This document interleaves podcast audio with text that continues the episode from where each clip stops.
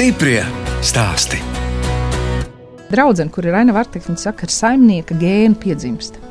Nezinu, vai tā tiešām ir, bet es jūtu, ka viņš manī tā kā aug. Tas nozīmē, ka tu iznāc ārā. Uzreiz redzi darbus, kur ir kas jāpiekārto, cik tas prasīs laika. Un tu zini, kā to izdarīt, kā sasniegt to rezultātu. Mēs ar vīru reizēm arī domājam, viņam ir liels ambīcijas, milzīgi plāni, viņš grib to un to. Mums un tādas jaunības jau nav bijis tādā klasiskā izpratnē. Mēs visu laiku esam strādājuši. Jo viss tas, kas te ir, tas ir mūsu pašu radīts. Un, tā man pārliecība jau ir, ka tajā brīdī, kad tu esi pats paēdis un tu esi nu, mierā ar sevi, tad tu vari tikai sākt dalīties ar citiem. Tā saka Līga Broduža no Čakavas novada Čakavas pagasta plakanciema. Es, žurnāliste Daina Zāmane, šoreiz ciemojos Līgas izveidotajā zirgu un cilvēku labsajūtas centrā, sociālajā uzņēmumā, kas pazīstams ar zīmolu dabas zirgi. Līga izveidojas zirgu pancī, kurā ir 17 zirgi, vada folkloras kopu, spēlē vairākus mūzikas instrumentus un aktīvi darbojas vietējā kopienā. Zirgi ir līgas mīlestība jau no bērnības. Man vecam tēvam bija zirgs. Man ļoti, ļoti mīļš, bet tad aizgāja vectēvs. Zirgs palika. Viņš kaut kā nonāca pie mūsu kaimiņiem. Nu, es ļoti sekoju līdz tam zirgam, visu, visu bērnību. Manā vecāmā strādāja tērvetē. Šobrīd arī joprojām ir tērvetes akcionāri ar savos gan 90 gados gandrīz. Un, uh, tur bija zirgi. Un es bērnībā tā arī tur aizbraucot pie Omas ciemos uz tērveti. Tajā laikā viņiem bija ļoti daudz zirgu pie mājas Omas. Nu, tad es tur tupēju. Un pēc tam bija baigā pauze. Es ļoti, ļoti sapņoju par to, ka man vedīs uz treniņiem, bet tas nebija ne praktiski, ne finansiāli iespējams. Un es izaugu lielu, un pirmā lieta, ko es nopirku par to augu, kas man palika pāri, nosacot visus izdevumus, bija zirgs. Kur jūs to zirgu likāt? Es viņu atradu pie vecākiem. Un viņš jauns, tas zirgs bija. Un, kā izrādījās, ar ļoti smagām veselības problēmām, kas bija gan fizisks, gan mentāls. Sākās tie meklējumi, kā tam zirgam palīdzēt. Tad jau es uzzināju visu to, ko es zinu tagad. Nu, tas ir tāds mūža darbs, mūža pieredze un uh, tāda sajēga par to, kā tad zirgam vajadzētu dzīvot. Līga joprojām dzīvo plakanciemā, kur arī izaugusi. Mēs vispār esam divi ciemi pierīgā - plakanciems un mēlupi. Plakanciems gan daudziem asociējās ar dārziņu rajoniem, bet tiem ar mums tāda saistība nav. Tie ir mūsu kaimiņi, kas vispār cits novads tā ir olēna. Tā mēs sevi nosaucām vēsturiskajā šīs vietas nosaukumā par mežoniekiem. Jo šeit uh, pamat nodarbošanās veids cilvēkiem bija mežkopība, mežsaimniecība visdažādākajos veidos. Un, uh, mans vecais tēvs šeit 50. gados, viņa ar vecmām no Sibīrijas atbrauca atpakaļ tajā brīdī, kad bija lielā brīvlaišana. Un uh, vectēvs bija mežsargs, mācījās mans tēvs mežnieku skolā, un tēvs ir viens no mūsu arhīviem. Ja mēs varam saukt cilvēkus par arhīviem, tad tie stāsti ir fantastiski. Kā dzīvoja pēckara bērni laukos, kur nebija nekā, ne transporta, zirgiem viss notika. Es esmu vietējā un es tik ļoti mīlu šo plakano vietu, ka man ļoti grūti vietās, kas ir kalnainas. Manā pasaules redzējumā kārtība ir šeit, kur ir plakans, salīdzinoši viegli apstrādājams, tad zemnieku domāšana. viss ir viegli apstrādājams, viss ir saprotams, un apkārt ir mežs es nekur tik labi nejūtos un droši kā šeit mežā. Tāpēc daudz arī prasa, jūs dzīvojat reāli meža vidū. Tur neviena nav. Un tas, ka neviena nav, ir tas, kas man ir atdrošība. Viss bērnības saistās ar darbu, jo man divas māsas smējamies, tās ir mūsu bērnības traumas, meža darba, meža stādīšana, tūlīt pavasarī sāktos. Dastošana notiek tā, ka to bērnu noliek kaut kādā punktā, un tad viņi skaita kokus apkārt, lai nepazaudētu tur. Un tev tik sauc prieda lietkoks 20 ar punktiņus atzīmēt. Pavasarī iedomājieties, tūlīt sāktos dzāru dedzināšanas Mūžīgā smalki jāvāc pavasarī ir pagalms jāgrābj. Vecāki ārkārtīgi virzīja, lai mums būtu izglītības visām. Viņiem pašiem ļoti smagi nāca augstākā izglītība, tā meškopja, kas šobrīd ir maģistram pielīdzināma. Un, uh, mēs vienmēr esam virzīti to, lai mums būtu laba izglītība, arī interešu izglītība, tad visi iespējamie pulciņi, visu bērniem esam vadāts. Pēc vidusskolas Līga neklātienē Vidzemes augstskolā studēja uzņēmēju darbību. Vairāk jau noder nevis tas, ko mums iedeva teorētisko materiālu, bet visvērtīgākā bija maģistrāta vidzemes augstskolā, jo viņi iedeva tādu pasaules redzējumu. Un tagad tās lietas, par ko mēs mācījāmies pirms nu, jau vairāk kā desmit gadiem, tikai tagad redzu dzīvē, kā viņas realizējās. Šķiru atmiņas jau 20 gadus. Sāku lietot sadzīves ķīmiju, kas ir vidē draudzīga tajā laikā, ar biocertifikātiem. Man bija bioveikals, starp citu, bija visam pa vidu. Man bija pirmais zero waste veikals. Minerālu ūdens pudeles es vācu baržomī no draugiem. Un mēs lējām mazgājumos līdzekļus boržomī pudelēs, lai taupītu resursus. Un pirmkārt, lai būtu finansiāli lētāk, un otrkārt, lai nebūtu plasmas vēl jāpērk. Mēs lējām vecās boržomī pudeles, kuras skaloja veda apakaļ. Man vīrs saka, viņš saka, liek, tie tavu projekti taču viss ir balstīti nevis tajā, lai nopelnītu, bet lai būtu forši. Lai būtu interesanti dzīvot. Jā, un tagad es mācos ielikt arī materiālo segumu apakšā. Man ir super liela sociālā ietekme tam, ko es daru, bet es bieži aizmirstu, ka man vajag arī materiālo pusi. Tādā ziņā man ir super labs vīrs, jo viņš ir super materiālā puse savukārt. Sanāk, nu, tā kā ģimenē viss jau pēc tādas pasaules uzbūves iedeļu jau ir kārtībā. Vīrietis ir materiāla puse un sieviete ir telpa, sieviete ir sabiedrība. Līdz šim saimniecības attīstībā ieguldīts milzīgs roku darbs, tāpēc Līga priecājas, ka šopavasar par Altumu grantu tiks iegādāts traktors. Ir mazie projekti, un ar tiem mazajiem es šobrīd ļoti apdomāju, vai ir vērts ieguldīt resursus, jo tur ļoti bieži ir tādas sarežģītas saistības. Es nu pat arī uzrakstīju vienu tādu priekš mūsu uzņēmuma diezgan lielu projektu Bet uh, pusstundu pirms iesniegšanas vienkārši sapratu, ka es viņu nesniegšu, jo tas nozīmē saistības uz pieciem gadiem. Mums pašiem jāiegulda bija 9000 eiro. Pie šā brīža nestabilizās situācijas, pie tam, ka tas ir turismu pakalpojumu paplašināšanai, es reāli nobijos. Pa ilgiem laikiem tā rītīgi nobijos, un sapratu, ka es nespēju to soli, jo tas nozīmē saistības attiecībā uz apgrozījumu. Bet nu, atkal ir mums kā sociālajiem uzņēmējiem, un tas ir tāds brīnums, ir Altuma grants tur ļoti, ļoti daudz dokumentu lietas un dažādas nianses. Un tad tu iesniedz to dokumentu, viņš ir nepareizi noformēts, jo man nav pieredzes. Bet Altuma cilvēki ir brīnišķīgi un ļoti sadarbojās un palīdz. Un jā, pie mums šodien brauks traktors. Jūs nevarat iedomāties, mēs visus tos gadus, visu šo esam rokām darījuši.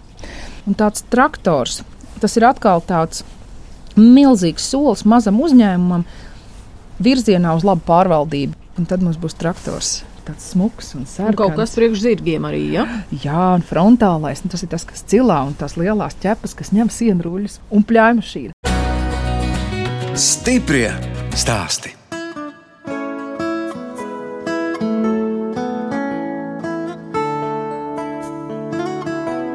Jūs klausāties raidījumu stipri stāstī. Šoreiz ciemojos pie Līgas Brodužas, Čekavas novada Čekavas pagasta plakanciemā.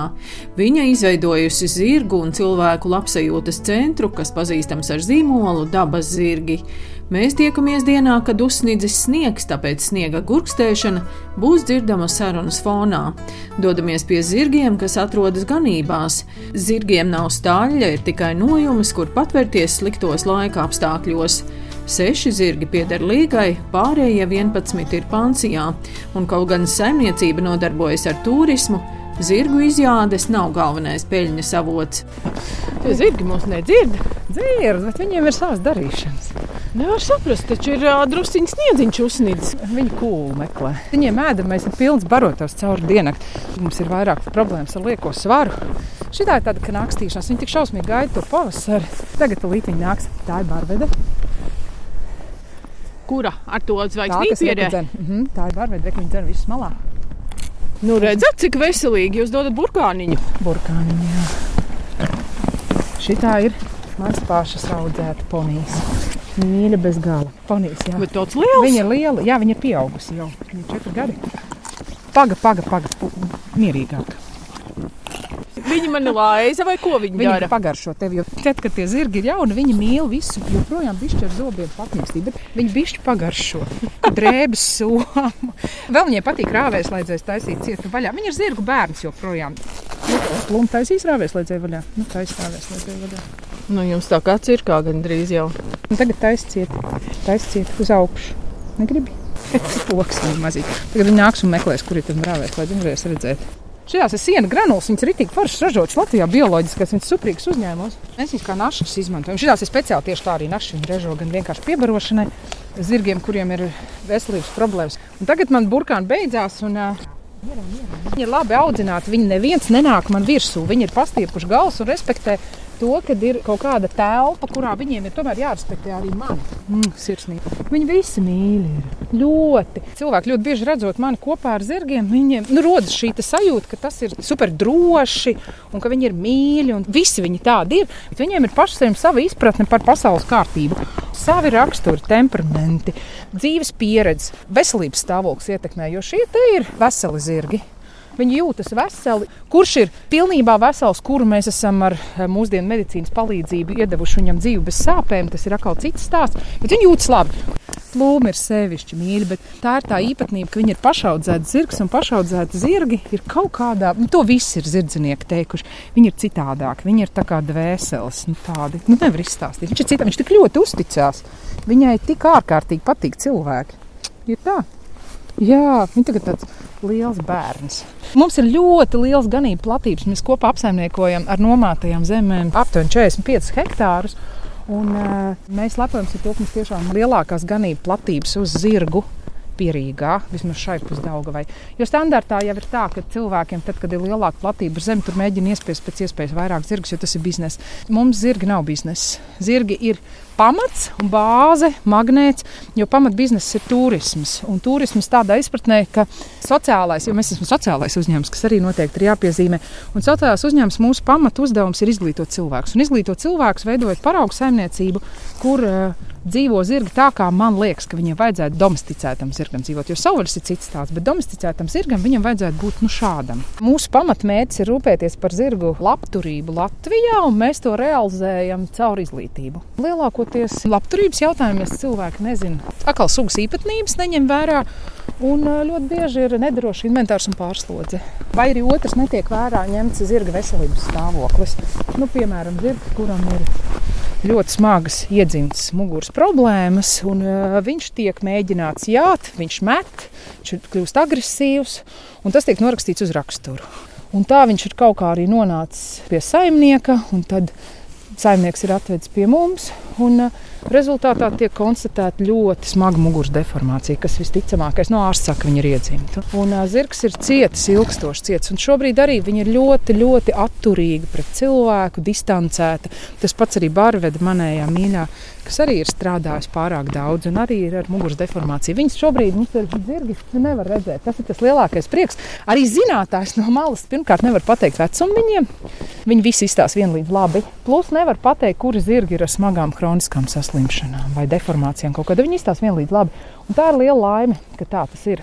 Un tas arī ir mērķis. Tā tam vajadzētu būt. Nu, jūs man stāstījāt, ka jūs arī neļaujat jāt ar zirgiem garas stundas, veselu dienu, kā vajadzētu no biznesa viedokļa. Teiksim, Jā. tad sestdienas, svētdien, tad pa maksimālo savācam naudu. Tas bija sākums dabas zirgiem.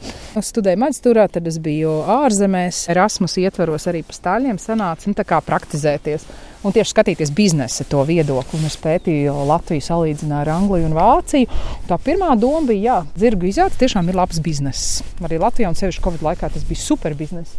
Bet manā domāšana tas mainīja tajā brīdī, kad sapratu, ka es nevaru vairs noķert savu zirgu. Mums ir milzīgs platības, it kā no tāda viedokļa. Viņi ir ārā, it kā viss ir forši, bet nu, šī tāda pļāva, un tu vari stundām staigāt pakaļ. Viņa vienkārši nedodas rokā. Un sevišķi jau Fāra, jā, vecā ķēve, viņa vienkārši veda baru projām. Viņa tik strateģiski to darīja, nu, ka vajadzēja kāds četrs cilvēks, lai viņas kaut kādā stūrī iedzītu. Tu sāc domāt, ka kaut kas tajā visā nav pareizi. Un tagad, redzot, kā es viņu faktiski spīdzināju tajā laikā, šā brīža aprūpe, ko es mēģinu viņai nodrošināt, un tas ir šausmīgi dārgi. Tādas ikdienas lietas un arī veterināri izdevumi Tas ir mazākais, ko es viņai varu iedot. Kā... Nu, bet mazo jātnieku skoliņu jums tomēr ir. Nē, tā ir mazo zirgkopju skoliņa. Viņa mācās rūpēties. Tās tēmas katreiz ir citas. Piemēram, zirgs saslims. Mēs mācāmies ieraudzīt, vai zirgs klibo. Mēs mācāmies pazīmes, kā atzīt, ka zirgs jūtas slikti. Mums aprīļa tēma ir zirgam vajag ganību aploku. Jo bērniem rodas iespējas, ka tas ir vienkārši. Mēs mēģinām parādīt darbu, ko neviens neredz. Un stāstīt, kā veidot aploku, kas ir drošs zirgam, kur veidot, kā veidot, lai nav asi stūri. Un nereizi nevar uzkāpt zirgam mugurā. Skoliņā nē. Mēs ļaujam, mums ir arī nodarbības, bet no visa šī bara mums ir viens vesels strādājošs zirgs un eh, divi tādas pusītes, varētu teikt, kuriem ar ārsta nozīmējumu ir ne tikai atļauts, bet arī rekomendēts, ka viņi drīkst arī jātnieku. Un mums ir arī vetārsta komanda, kur ir ģimenes ārstis, varētu teikt, kur zina katra zirga slimības vēsturi. Tad ir arī tas darba plāns, ko mēs darām, lai panāktu to, ka tas zirgs jūtas labi ilgtermiņā. Un maksimāli maz, protams, izmantojot kaut kādus medikamentus, bet tur ļoti daudz darba apakšā. Kad nevar tā, ka mēs uzkāpjam vienreiz nedēļā, bet viņam tas jādara regulāri pie rokas vedam staigāt to zirgu. Bet tie zirgi arī jums dažādi. Nu, labi, te ir ponijas ar mammu. Nu, te ir raiba raibās. Tur ir Lietuvas vezumnieks. Tas tas Ardenis, ja? jā. Pamatā tā ir Latvijas sporta tipa braucamais. Šis ir arābs, arābs šķirnes zirgs. Līga un man liekas, nu, tā pievienotā vērtība šai vietai ir tāda, ka it nemaz nav sajūta, ka mēs būtu kaut kur pierīgā. Ja? Jā, misa. Mēs esam palieku pļavās. Starp citu, ārkārtas situācija plūst. Jā, tur bija zem ūdens. Ārkārtas situācija bija tieši šeit pirms uh, pusotra mēneša. Te viss bija zem ūdens apakšā. Mēs tagad te, nu, kā, tur, kur zemāk. Un mīsa ir baigi. Nu, tagad mēs pastīsimies tāds, jau tagad viņi izstāsta smieklīgi. Vasarā ir sēkļos, viņi var ar gumijniekiem pāriet pāri sausām kājām. Bet uh, dievu brīnumi te notiek pavasaros, kad nīs, un šogad viņas atrakojās riktīgi. Te tie līkumi ir, un te ir stāvkrasts, par ko ļoti daudz arī brīnās, ka mīsai tik mazai upe ir tāda stāvkrasta. Sajūta ir tā kā dziļos, tiešām dziļos laukos mēs ar jums te būtu, vai ne? Jā, jā, un tas ir pateicoties plūdu zonai, jo te nekur nevar būvēt, tie plūdi. Kilometra attālumā no līgas saimniecības atrodas arī purvs. Šis ir otrs lielākais pierīgs pūrs izrādās vispār aiz ķemera pūra. Kā viņu sauc? Smērdūklis. Brīnišķīgs nosaukums. es saku kaut kā. Dievs mūs sargā, jo Smērdūks mūs nosargāja arī no Rail Baltikiem, jo viena no tām lielajām idejām bija, nu, lai nevajadzētu skart tā kā dzīvojamos mājas, viena no tiem skičiem bija, ka iet caur Smērdūku, bet vajag dārgi bija. Un tā viņš aizgāja prom, tas Rail Baltiks. Un un atkal mums mežs palīdzēja. Un upe mūs sargā, un mežs sargā. Mēs arī mēģinām saimniekot pēc bioloģiskās. Man ir bioloģiskās arī viss certifikāti, bet nu, saimniecīgi mēs necercējam, jo mums ir tas gala produkts īsti nekāds. Nav mēs mēslus tirgojam, bet tas apjoms ir tik neliels. Jā, jā, jā. Un, ja mēs runājam par permakultūras dārziem, tad tas ir pats pats labumiņš. Man, piemēram, dārsts ir vispār tīra zirga mēslos izveidots. Es tā arī gāžu, kā mūžā. Nav pa stipru? Nu, nav. Pie tā, ka mēs stāvam šeit, ir mēma smilts, jo šeit ir vēsturiski bijusi jūra. Un, uh, mēs dzīvojam tādā, nu, tas pats, kas kāpās. Daudz saka, nu, nevar būt. Un mēs sākam skatīties, jā, ir tāda smalka, pelēka, balta smilts. Zemenēm patīk, tām te patīk, bet citādi mums augļu koki neaug. Nīkst, viss tā nīkuļo, plūms, ķirš, tur vispār nav ko domāt. Ar ļoti lielu ielabošanu, ar darbu, ņemšanos tur kaut kas izaug, bet, nu, jēga maz, un attiecīgi mēs arī savu pēdējo plūmu nozāģējam attiecīgi, nu, ko tu cīnīsies, nu, nav kazai piena, tad nav. Man arī ir permakultūras dārsts, tāds super maziņš, jo manā sajūtā dārsts ir tas, kas mums rada to stabilitāti. Sēž jau man kā sievietei, nu, ka mums būs ko ēst. Un šogad es esmu apņēmis daudz kartupeļu sastādīt. es saprotu, ka tā ir mana bērnības atmiņa par ēdienu, kas tika nu, glābts meža malā. Pateicoties meža zvēriem, mums arī tas žoks tapi, jo tur, kur tie lielie ozoli ir, tur vienkārši barsa meža cūkām. Aņi nograuz ābeles, Stirns te ar visādas brīnums taisīja, tad mēs sapratām, ka mēs būsim nejauki. Mēs savu zonu ierobežosim. Netālā purva dēļ saimniekiem jāmāk sadzīvot ar dunduriem, un tas ietekmē arī turismu. Jāņiem līdz aptuveni 10. augustam esam slēgti. Un, protams, kā turismu uzņēmumam, tas ir tāds pats sezonas pīķis. Tu vispār nevari aprakstīt, cik te ir dunduru. Cilvēks saka, mums ir daudz dunduru, un tu aizbrauc, saka, nu, jūs dunduru varat atpūsties. Tiešām tik traki? Simtos. Zinām, ir jau, protams, visādas metodas, ka dundurs var ķert, var indēt, bet uh, kaut kā tā mana pārliecība ir, ka jo tas dundurs jau bija pirms mums, nu, tā kā līdzīgiem tādiem dabas mīļiem, ka viņš bija pirms mums. Nu, tad vienīgais, ko mēs varam darīt, mēs varam radīt apstākļus, lai putnu te būtu daudz. Un tad nu, tiešām ir sajūta, ka viņi paliek vairāk. Stiprie stāsti.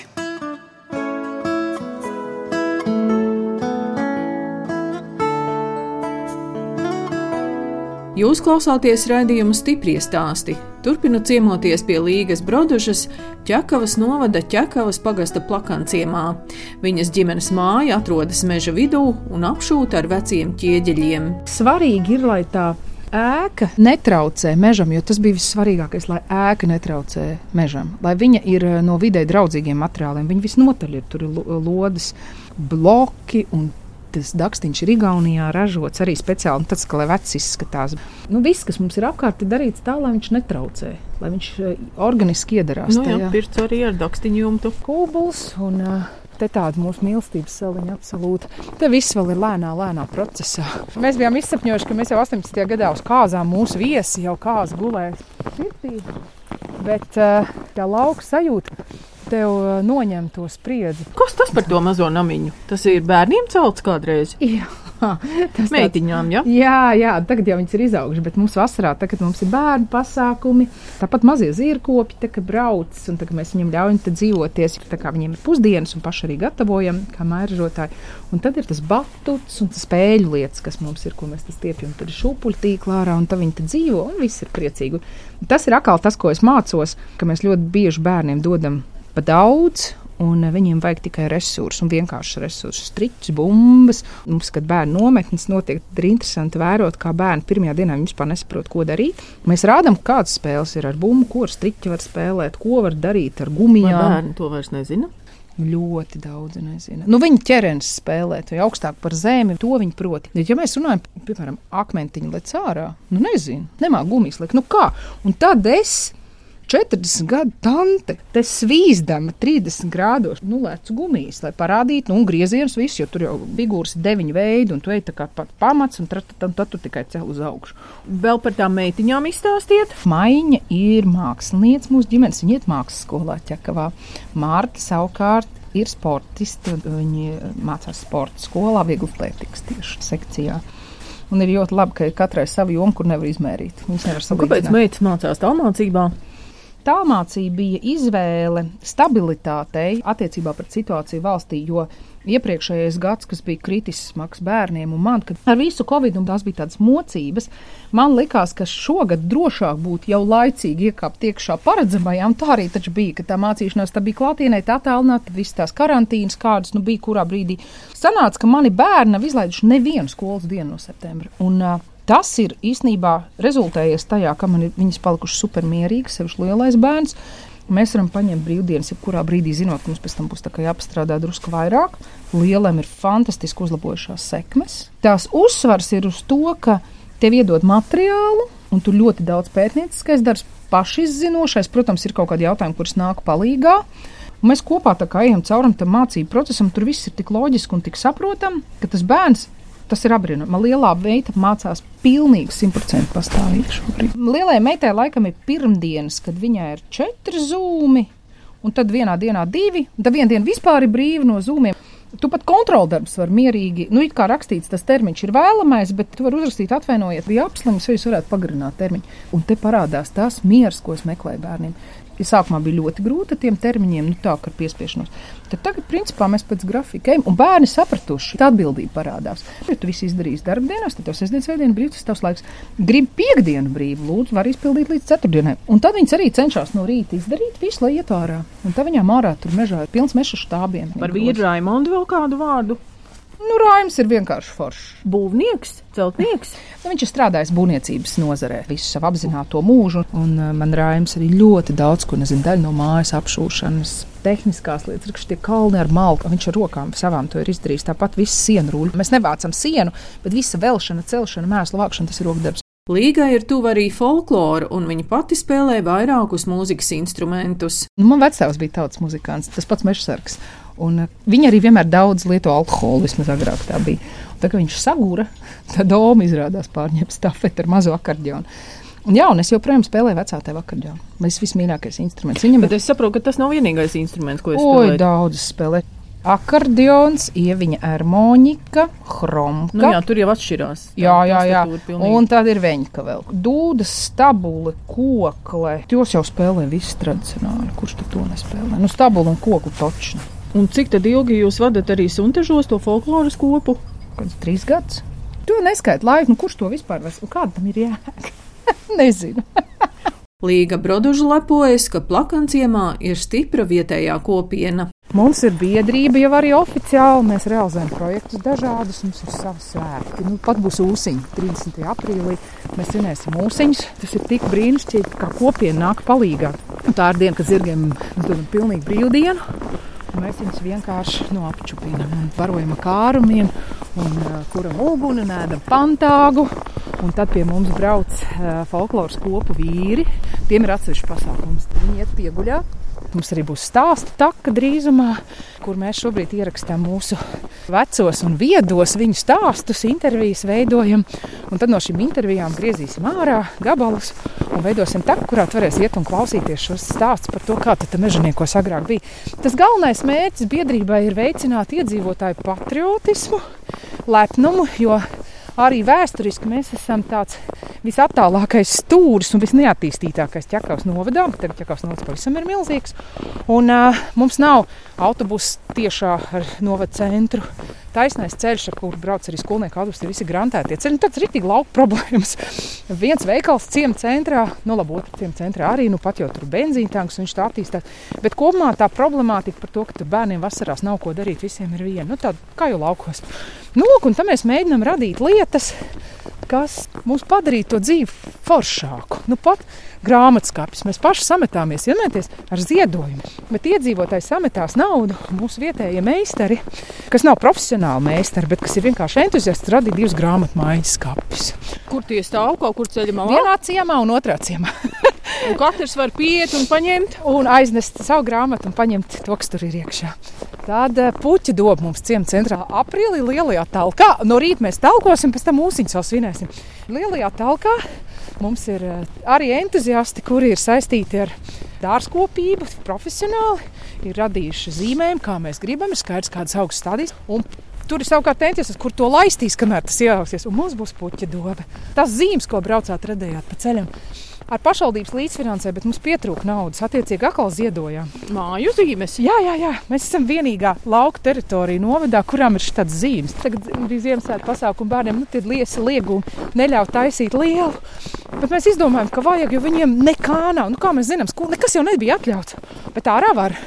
Un te mēs uztaisījām tādu mazu Ziemassvētku pasākumu. Mēs bijām tik priecīgi visi. Tas bija tik ļoti forši. Mums raidījums skanēs lieldienu laikā. Mm -hmm. nu, man jau gan tagad iznāk saskarties ar cilvēkiem, kam patīk folklore, kurus saka, nē, kristīgās lieldienas, tas uz folkloristiem galīgi vairs neatiecas. Kā ir jums? Man patīk tā sajūta, ka mūsu ģimenē ir šausmīgi daudz svētku. Pateicoties tam, ka ir vienas lieldienas, Un maniem bērniem zaķis nes olas vienkārši netaramos apjomos. 20. no rīta atnes olas. Martā jau sen, jau aizmirsusies. Tad, kā sagaidījām lielo dienu, mēs iepriekšējā vakarā uztaisījām sev mājās danču vakaru. Mēs bijām tik apņēmušies sagaidīt saulēku, bet mēs baigi pagurām. Mēs tik daudz dziedājām un dejojām. Un tā noņēmāmies, ka nospiedām, labi, šogad mums saule piedos. Un tagad būs kristīgās lieldienas. Mēs vienā mierā svinam otro reizi. Un tā kā bērniem ir omas, tad zaķis viņiem nes protams, lieldienās vienreiz mājās. Tad viņi brauc pie otras omas, tur zaķis sanes vēl vienu porciju. Vēl viena oma ķekavā. Nu, tā mēs esam bagāti, mums ir abas omas. Ļoti labi, pilnīgi harmonija. Ļoti bieži mūs aicina uz pasākumiem tieši kristīgajās lieldienās, lai parādītu tradicionālo. Un eh, tad jau ir tie laikstākļi arī vairāk foršāki. Kā es lasīju, tad jūsu sauklis ir zirgi iedvesmo. Uh mhm. -huh tas viens zirgs, tas, par ko mēs runājām, kas bija pats sākums, tas zirgs ar tām smagajām veselības problēmām, kurš bija ciets no vardarbības. Tieši tāpēc, ka neviens nebija iedomājies meklēt atbildi viņa veselībā. Nu, lūk, un tajā brīdī arī kaut kā tas viss sakrita ar dabas zirgu sākumu. Sapratu, ka tie zirgi man iedvesmo vienkārši darīt citādāk. Tev iedod tādus dzīvniekus, kas tev met izaicinājumus. Un, uh, Viņi ir iedvesmojuši. Tik daudz lietas šeit ir tapušas. Viņi ir iedvesmojuši vienkārši darīt citādāk un redzēt pasauli citādāk. Jā. Un cik cilvēks viņi pie manis ir atraduši brīnišķīgus. Caur zirgiem, cik daudz man ir mani tuvākie cilvēki šobrīd nākuši, kam ir zirgi, kas ir tieši saistīti ar zirgiem un iespējas. Ko jūs lieldienās cilvēkiem vēlat? Mieru. Un šajos laikos vēl ar mieru, mieru un drošību. Kā lai saka, zils un drošs debesis virs galvas. Jo Man bija arī, nu, pat bija Spānijā un satika tur ukrāņus. Un, uh, tas viss ir ļoti emocionāli. Mēs arī gaidām savu ģimeni. Uzņemsiet bēgļu ģimeni? Jā, jā, tāds ir plāns, lai ir zils, skaidrs un drošs debesis mums visiem uz galvas.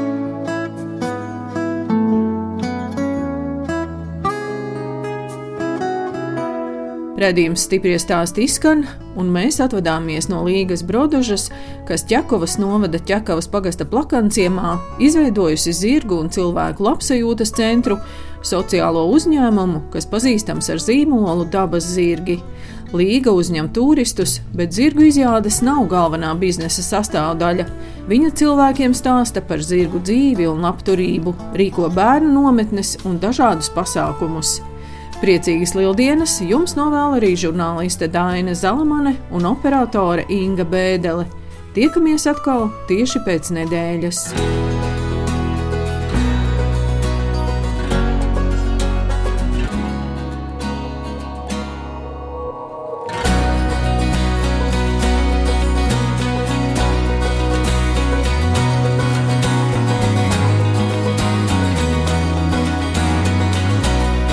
Stiprie stāsti.